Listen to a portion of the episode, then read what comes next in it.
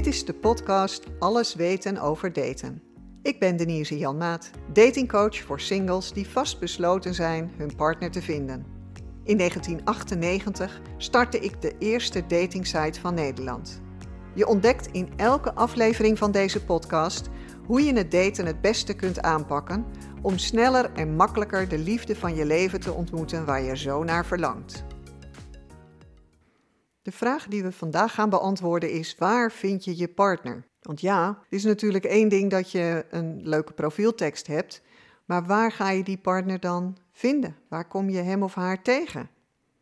Nou, het wordt veel makkelijker als je daar ook even een beetje werk van maakt.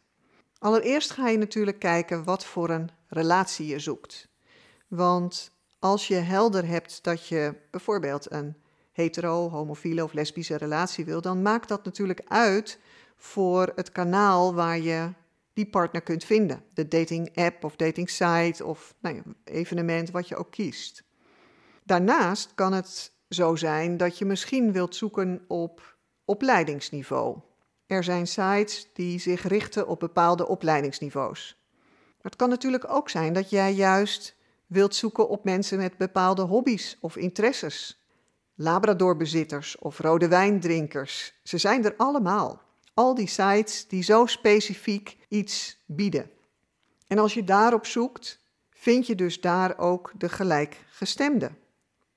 Maar het kan natuurlijk ook zijn dat je zegt: Oh, Denise, ik vind het eigenlijk leuker om iemand te vinden die in een bepaalde branche werkt. Dus ik zou het leuk vinden om iemand uit de non-profit of de profit sector te vinden.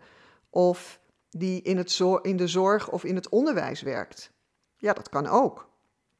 Het leuke is dat eigenlijk overal wel sites voor te vinden zijn. En dan kun je natuurlijk nog kijken naar de vrije tijdsbesteding. Hè, als je hebt over hobby's. Dus iemand die van koken houdt bijvoorbeeld. Sport. Is dat dan een specifieke sport? Wandelen of voetballen of Formule 1 kijken of uh, er naartoe gaan?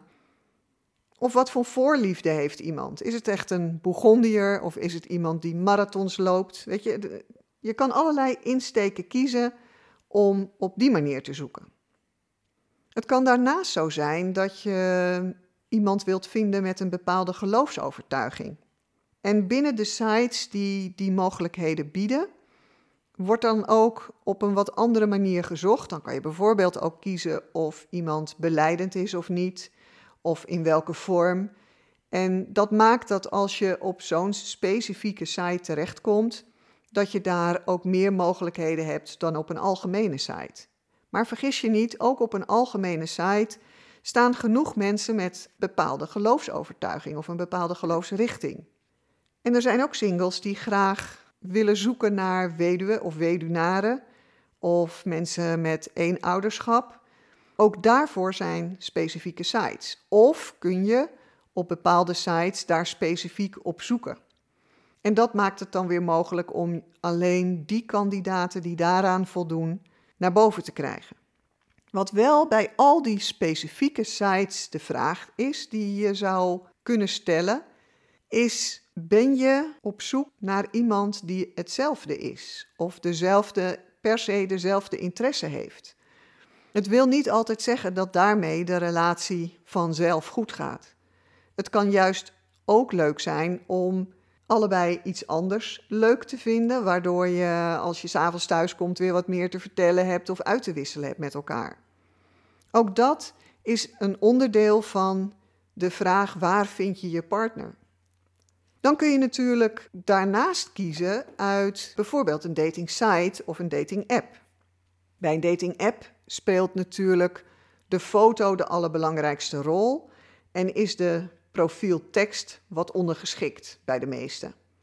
Op een dating site krijgt je profieltekst wat meer ruimte en ligt het accent meestal ook wel op foto's, maar kun je ervoor kiezen om bijvoorbeeld al een stuk tekst daarnaast te zien of daaronder. En dat zorgt er dan voor dat je toch op een andere manier kijkt naar dat eerste glimpje van die single. Maar er zijn natuurlijk meer mogelijkheden hoe je elkaar kan vinden. Bijvoorbeeld speeddaten. Dat zijn events waar je vier of vijf, nou korte tijd in ieder geval, minuten spreekt met een single en dan doorschuift naar de volgende en daar ook zo'n korte tijd mee spreekt. En aan het eind van de avond heb je er nou, bijvoorbeeld tien gesproken. En door aan te kruisen na elk gesprek wat je daarvan vond, of je die single nog een keer zou willen zien, ontstaat er aan het eind van de avond of de volgende dag krijg je dan een mailtje waarin staat hoeveel matches je hebt. Dus dat de ander ook heeft aangegeven je nog een keer te willen zien en spreken. En daar komen dan, als het goed is, ook afspraken uit voort en kun je elkaar wat uitgebreider gaan ontmoeten. Daarnaast zijn er natuurlijk single events, hè, waar je van weet, grotendeels, dat het allemaal singles zijn. Of single vakanties, hè, waar je met een groep uh, op reis gaat of naar een stad gaat. Of... Daarnaast is er natuurlijk nog ja, eigenlijk de, de alledaagse situatie in je leven waar je natuurlijk ook singles kunt ontmoeten. Stel dat je reist met het openbaar vervoer elke dag, ja, dan heb je genoeg kansen om mensen tegen te komen. En zeker als je op vaste momenten reist en je zo'n aantal mensen hebt dat je elke dag ziet, nou, dan kan het zomaar voorkomen dat je toch eens denkt van, hmm, ga een beetje in de buurt zitten, misschien kan ik een praatje maken. Datzelfde kan natuurlijk gebeuren bij vrijwilligerswerk of andere activiteiten die je in je vrije tijd doet. En wat denk je van elke dag of een paar keer per week de supermarkt bezoeken? Die single die net als jij bij de uh, snel klaar maaltijden iets uitstaat te zoeken, of een lekkere fles wijn of een leuk biertje uitstaat te zoeken bij het uh, wijn- en biervak. Ja, daar kun je natuurlijk even een advies aan vragen van, goh, uh, heb je dit al eens geproefd? Of wat vind je hiervan? Of wat zou jij kiezen? Ja, dat zijn de makkelijke manieren om even contact te leggen. Moet je dat natuurlijk wel durven. Hè? En dat oefen ik natuurlijk ook wel eens met singles. Maar dat zijn wel prima mogelijkheden om ook tot contact te komen. Zelfs in de rij bij de kassa kan dat nog ontstaan in een supermarkt. Daarnaast gebeuren er natuurlijk ook op het werk nog wel eens bedrijfsongevalletjes, zoals ze dat vaak noemen. dat je een collega ineens toch leuker gaat vinden of iemand op een andere afdeling door uh, in een vergadering elkaar tegen te komen gaat ontdekken. Ook dat is natuurlijk een manier om elkaar te ontmoeten. En zo zijn er natuurlijk nog veel meer momenten waarop je elkaar gaat tegenkomen, onbewust of bewust. Maar wat wel belangrijk is, is dat je ook, als dat niet zo snel verloopt als dat je zelf zou willen, eens gaat kijken naar waarom is het tot nu toe nog niet gelukt. Want het zou zomaar kunnen dat er in jou een obstakel zit dat dat nog even belemmert. Dat je misschien een keer bent afgewezen op een manier die je flink geraakt heeft. Dat je misschien een scheiding achter de rug hebt, waardoor je toch nog wat meedraagt. Een partner hebt verloren waar het verlies nog zeer doet, ja, maar je toch verder wilt. Er kunnen allerlei dingen in je leven zijn gebeurd die ervoor zorgen dat je nu nog met enige aarzeling of toch met wat minder succes aan het daten bent. En dan is het raadzaam om eerst dat obstakel uit de weg te ruimen. Ik noem dat het leggen van een goed fundament om op te kunnen daten. Want dat obstakel zit jou nu in de weg, maar je wilt ook niet dat dat straks tussen jou en je partner in komt te staan. Hoe fijn is het om naast het feit dat je gewoon blanco kunt beginnen aan het daten, hè, dat je nu een nieuwe start kunt maken, ook kunt zorgen dat dat, dat, dat obstakel, dat oude zeer, is opgelost waardoor je gewoon heel makkelijk en voortvarend kunt gaan daten. En dan vraag je je waarschijnlijk af, ja Denise, wanneer ga ik dan die partner ontmoeten? Nou, met singles die ik in de coaching heb, kan ik dat meestal wel een beetje aanduiden, omdat we elkaar dan gesproken hebben. Maar garanties kan ik natuurlijk ook niet geven. Op het moment dat je die voorbereiding doet, waar ik het in eerdere aflevering al over had, en zo gedegen kijkt naar het daten, het goed voorbereid, heb je echt wel meer kans. Want dan ga je ook voelen dat je er zo langzamerhand ook echt voor open staat. Dat je er aan toe bent. En dat je ook het gevoel hebt dat je goed beslagen ten ijs komt. Dat het je niet overkomt, maar dat je er naartoe hebt gewerkt. En dat maakt echt verschil. Dan is het natuurlijk nog wel de vraag wat je doet. Want wanneer je die partner gaat ontmoeten, hangt natuurlijk ook af van het feit of je een afwachtend type bent of actie neemt.